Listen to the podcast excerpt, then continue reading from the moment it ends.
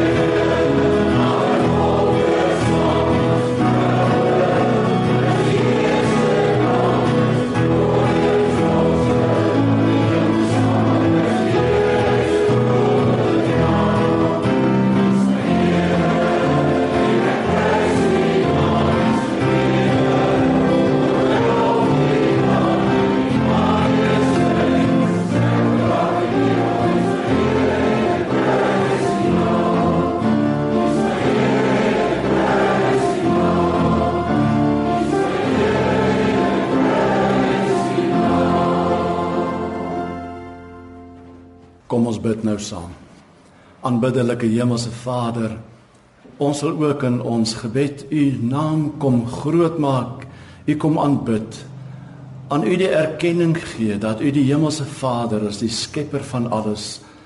Dat U ons liefhet en dat U vir ons getrou sorg en voorsien. Ons wil U naam groot maak. Ons wil jubel en juig en U loof. Want U is vir ons goed en U is getrou en ons prys u naam. Dankie dat u met ons elkeen vanoggend 'n afspraak het. Waar ons ook al mag wees of dit hier in die gebou is of elders iewerster voor 'n radio. Dankie dat u woord vir ons bedoel is en dat ons daaruit mag lees en dat ons dit vrylik mag oordink. Ons wil nou vra dat u deur u gees self aan die woord sal kom. U wat ons ken, weet wat ons nodig het. U wat met ons elkeen 'n afspraak het, weet wat ons moet hoor. Daarom vra ons dat U ons ore sal oopmaak, dat U ons hele hart, ons hele gemoed so sal beïnvloed dat ons deur U woord aangespreek sal word. verheerlik dan uself want u alleen kom al die eer toe. Ons bid dit in die naam van Jesus Christus, u seun wat ons met u versoen het. Amen.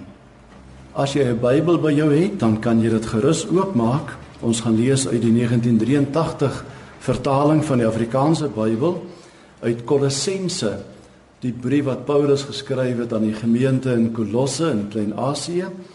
En ons gaan van die eerste hoofstuk 'n klompie verse saam lees. Ons gaan by vers 13 begin lees. As jy later wil gaan kyk, sal jy sien dat in die vooraf paar verse van hierdie hoofstuk is Paulus besig om met die gemeente in gesprek te tree en vir hulle te sê dat hy vir hulle bid. En in sy gebed begin hy met 'n woord van dank aan die Vader En dis nie om dowenete dat hy dit so doen en dat hy nie die gemeente dankie sê dat hulle gelowiges is en so ver in die geloof vas staan nie. Die mense van destyds het geglo dat wanneer jy vir iemand dankie sê, dan erken jy hom eintlik as jou meerdere. En daarom het hulle nooit vir mekaar sommer dankie gesê as deel van dieselfde span nie amper soos wanneer 'n mens in 'n rugbywedstryd die bal uitgee na die ander ou wat in dieselfde span is, dan sê jy nooit dankie dat ek die bal gekry het nie, want hy is veronderstel om vir jou die bal te gooi. En so was dit min of meer tussen die mense. As jy dus vir iemand dankie sê, dan gee jy aan hom eer en erken jy hom as die meerder en dis die wat Paulus dan wanneer hy na die gemeente kyk, vir God dankie sê en God erken as die meerdere. En u sal ook later sien hoekom want dit is aan God te danke dat die gemeente gemeente is. En dan later in hierdie gebed dan begin hy ook vir die gemeente bid. As jy vinnig wil kyk na vers 9, dan vra hy dat die Here vir hulle krag sal gee om God se wil te ken. En in vers 10 sê hy ook dis nie maar om dowe neete dat hulle sy wil moet ken nie, hulle moet dit ook doen en gehoorsaam wees aan die wil van die Here. En dan gebruik hy 'n beeld in vers 10 om dit te verduidelik deur te sê as 'n vrugteboom goed geplant is en reg groei en 'n gesonde boom is, dan is die getuienis daarvan te sien in die vrugte wat die boom dra. So moet die gelowiges wees sê hy as die kerk van die Here Jesus, mense wat soos 'n boom deur die Here geplant is, moet sulke vrugte dra dat gesien kan word waar sy wortels lê, naamlik in die Here, die ewige God. En deel van hierdie vrugte sê hy dan in vers 11 is om te volhard in geduldig wees. Ek weet ons sou baie kon sê oor geduld, een van die moeilikste dinge om vandag gedurig deur voor te bring. En hy sê ons moet geduldig wees en sê hy verder dat ons moet uh, met blydskap uitsien na die toekoms want daar's 'n erfporsie, daar's die ewige lewe wat vir ons wag. En nou is die vraag wat by ons opkom en wat sekerlik by die Kolossense opgekom het. Maar hoekom moet ek die wil van die Here soek? Hoekom nie my eie wil nie? Hoekom nie soos ander mense sê of soos uh, mense vir wie ek respek het sien? Hoekom die Here se wil? Hoekom is dit so belangrik? En hoekom is dit so belangrik dat ek juis daaraan gehoorsaam moet wees en my lewe moet fokus op die wil van die Here? En dis dan wat ons by vers 13 kom waar Paulus dan met hierdie antwoord na vore kom.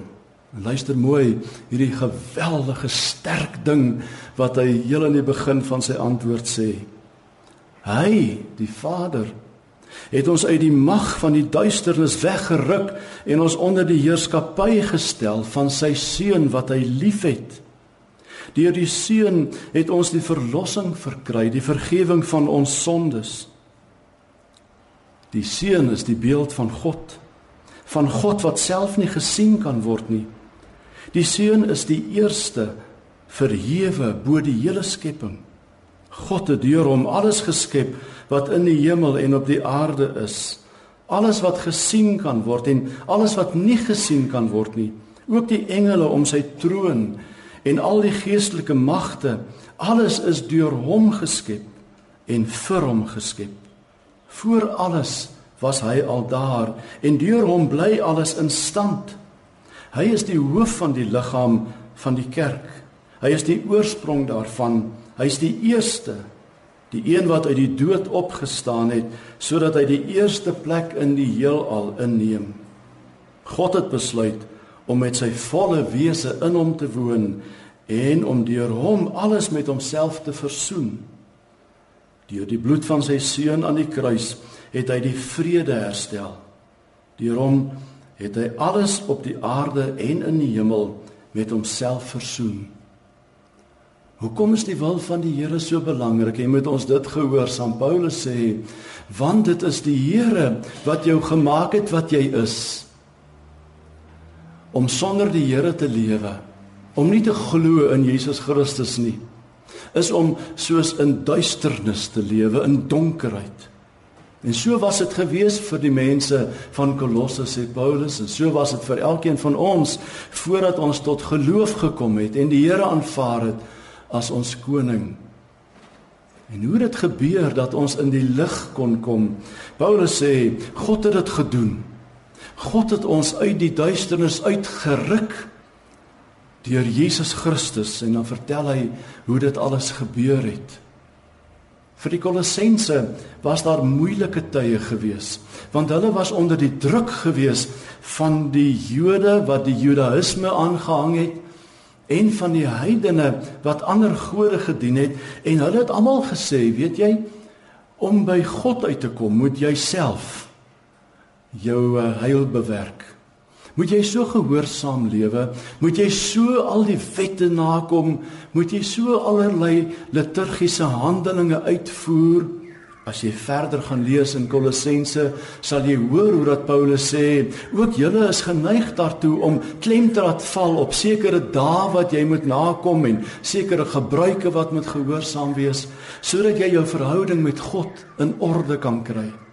En daarom dat Paulus nou vir hierdie gemeente kom sê en vir ons wil sê, maar weet jy, jy hoef nie self te spook en spartel om uh, met God in die regte verhouding te kom nie.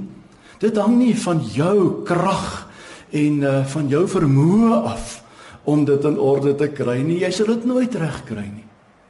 God het dit gedoen. God het jou uit die duisternis kom ruk hoe groot jou sonde duisternis ook al mag wees en hoeveel dinge jy ook al verkeerd gedoen het en hoe erg dit ook al vir jou mag wees. God kom ruk jou daaruit. Hy kom haal jou daaruit deur Jesus Christus.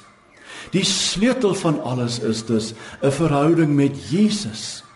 Vir die Kolossense van destyds en soms gebeur dit vandag ook. Word die vraag gevra: Is Jesus dan regtig so belangrik? Die Kolossense het begin dink destyds, ag, is hy nie maar ook net een van die baie moontlikhede om by God uit te kom nie. Terwyl Jesus op aarde was, het hy per geleentheid in Markus 8 vir sy disippels gevra: "Wie sê die mense is ek?" En toe antwoord hulle: "Die mense sê u is een van 'n profeet van die verlede." En uiteindelik vra hy vir hulle: "Maar julle, wie sê julle is ek?" En toe antwoord Petrus namens die disippels: "U is die Christus, die seun van God." En vir die oomblik was die antwoord voldoende. Maar nou as ons in Kolossense lees en as ons nou natuurlik nog veel later in die 21ste eeu leef, dan het daar weer 'n klomp dinge gebeur. Dan is daar weer 'n klomp mense wat tussenin kom sê maar ag weet julle Jesus is ook maar net een van die moontlikhede. Daar's ook ander moontlikhede. Jesus is nie so belangrik nie. Sodat ons opnuut moet vra maar wie is Jesus en miskien verstaan jy daarom waarom Paulus in 'n lied uitbars as jy hier van vers 15 af tot by vers 20 in Kolossense 1 lees sal jy sien dat dit 'n lied is wat Jesus besing. Want Paulus het besef, miskien moet hy 'n slag net vir ons weer kom sê. Hoekom is Jesus so belangrik? Hoekom is hy nie maar net een van die moontlikhede nie, maar die moontlikheid? Hoekom moet ek sy wil soek en hoekom is dit so belangrik dat ek fokus op God se wil in my lewe en nie my eie wil nie, my eie wil kruisig en ondergeskik stel. In die lied is daar twee momente. Jy sal agterkom dat Paulus probeer sê wie Jesus is en wat hy doen. Wie hy is bepaal ook wat hy doen en wie hy is maak dit moontlik dat hy kan doen wat hy doen. En wanneer hy optree, dan is daar ook weer twee momente. Jy sal agterkom dat in die lied word gesê hy is die skepper saam met God. En hy is ook die herskepper om alles wat verkeerd geloop het weer reg te stel. Wie is Jesus? Paulus begin die lied deur te sê hy is die beeld van God. Weer terug te kom by die konteks van die Kolossense waarin hulle geleef het. In hulle tyd was daar 'n klomp ander godsdienste en almal van hulle het gode gehad wat sigbaar was. Dit was of die een of ander beeld of een of ander natuurverskynsel of daar was selfs van die leiers soos die keiser van die Romeinse ryk wat soos 'n god beskou is en almal kon hierdie gode sien terwyl die god van die Christene 'n onsigbare god is hy's anders. Hy's nie soos die gode wat gesien kan word nie. Daarom dat wanneer die Christene nou sou vra of die ander mense vir Christene sou vra maar, maar hoekom is dan jou God leer ken as mens hom nie kan sien nie? Dan kom sê Paulus kyk na Jesus. Jesus is die beeld van God hy's die afskynsel van God Jesus is die een wat God met ander woorde op aarde kom sigbaar maak het Jesus is die een wat aan God se gestalte betekenis kom gee. Deur te kyk wat Jesus doen en wat Jesus sê, kan jy agterkom hoe God is. En die wonderlike van alles is dat as mens nou na Kolossense 1 vers 19 gaan kyk, dan kom ons agter dat Jesus is nie maar net 'n verteenwoordiger van God, 'n afskynsel, 'n beeld nie. Hy is self God. Daarom dat ons lees in vers 19 God het besluit om met sy volle wese in hom te woon en om deur hom alles met homself te versoen. En omdat Jesus dit is, word hy genoem die heel belangrikste van alles, die eerste van die heelal wat alles gemaak het en ter wille van wie alles gemaak is. Met ander woorde, die hele skepping, die hele heelal behoort te fokus op die eer van God. Het jy al daaraan gedink dat ons nie glo in Jesus Christus en glo in God primêr in die eerste plek ter wille van onsself nie. Maar ter wille van God. Ter wille daarvan om sy heerlikheid te leef en uit te straal en te vertoon soos 'n boom wat vrugte dra. Daarom moet ons sy wil soek want die wêreld moet na ons kan kyk en God kan raak sien. Wat 'n geweldige gedagte. Ter wille van hom is alles gemaak. Daarom hy is die God wat in Jesus Christus die skepper God is maar wat ook die herskepper God geword het deur Jesus Christus. Want ons lees dat hy deur Jesus die wêreld met homself kom versoen het. As gevolg van die sondeval en die sonde in mense, het daar 'n skeiding gekom tussen God en mens. En hoe kan hierdie versoening weer plaasvind? Hoe kan hierdie skeiding uit die weg geruim word? Paulus skryf hier deur Jesus. Jesus wat sy lewe gegee het. As ons hier lees van die verzoening, dan beteken dit dat daar moes 'n prys betaal word. Daar moes vergoeding gedoen word om die skuld op te hef wat die straf van die sonde is. Want as gevolg van die skeiding is daar 'n skuld wat betaal moet word. En ek en jy kan die skuld nie betaal nie want ons kan nie ophou met ons sonde nie. Daarom dat God vir Jesus stuur en ons lees dat Jesus gesterf het aan die kruis, maar dat Jesus meer as dit gedoen het. Hy het ook opgestaan. Hy het ook die oorwinning behaal oor die dood en oor die bose, sodat die dood ook nie meer vir ons verskrikking inhou nie. En omdat hy die skepper is van alles, ook van die onsigbare en ook van die sienlike magte wat soms in mense soos leiers en regerings setel, is hy die Here wat heers en is hy die Here wat die hele wêreld mense en al die ander gebrokenheid met homself kom versoen het. Daarom heers hy as die een wat die mag het oor alles. Wanneer Paulus aan die Efesiërs hieroor skrywe, dan sê hy 'n verskriklike ding in Efesiërs 1. Luister mooi van vers 18 af. Hy sê: Ek bid dat hy julle geestesoë so verhelder dat julle kan weet hoe geweldig groot Jesus se krag is wat hy uitoefen in ons wat glo. Dit is dieselfde kragtige werking van sy mag wat hy uitgeoefen het toe hy Christus uit die dood opgewek en hom in die hemel aan sy regterhand laat sit het. Hoog bo elke mag en gesag, elke krag en heerskappy en wat daar ook al sprake van mag wees. Nie net in hierdie bedeling nie, maar ook in die bedeling wat kom. Hoekom moet ek Jesus se wil soek?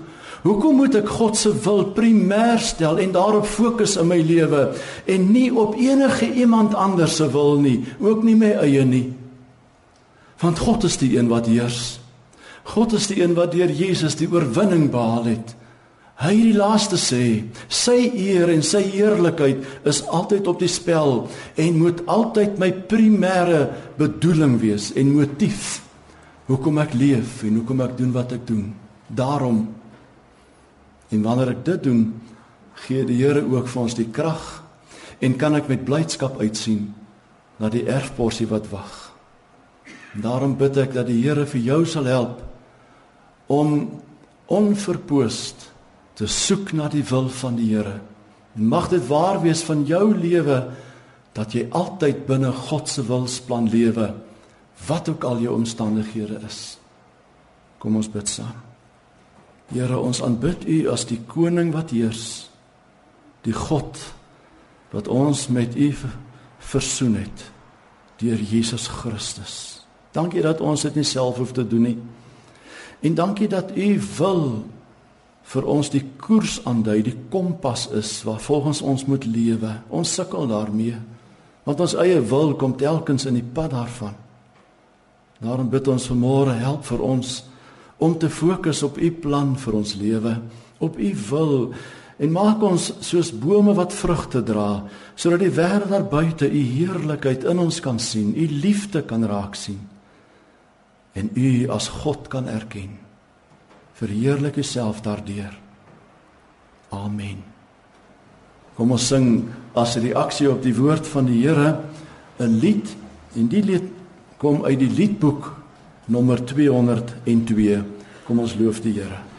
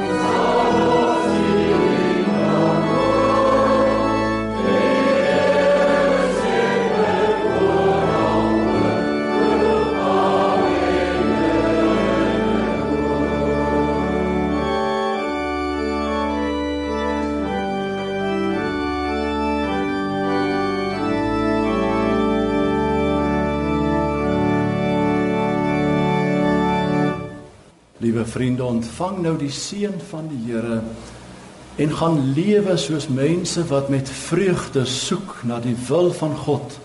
En mag die Here jou gebruik in jou omstandighede waar jy ook al mag wees om hom te verheerlik. Mag jy so leef dat die wêreld God sal raak sien en sy liefde in jou lewe sal erken. Ontvang nou sy seën in jou lewe. Die genade van die Here Jesus Christus en die liefde van God en die gemeenskap van die Heilige Gees sal by julle elkeen wees en bly vir altyd. Amen. Thank you.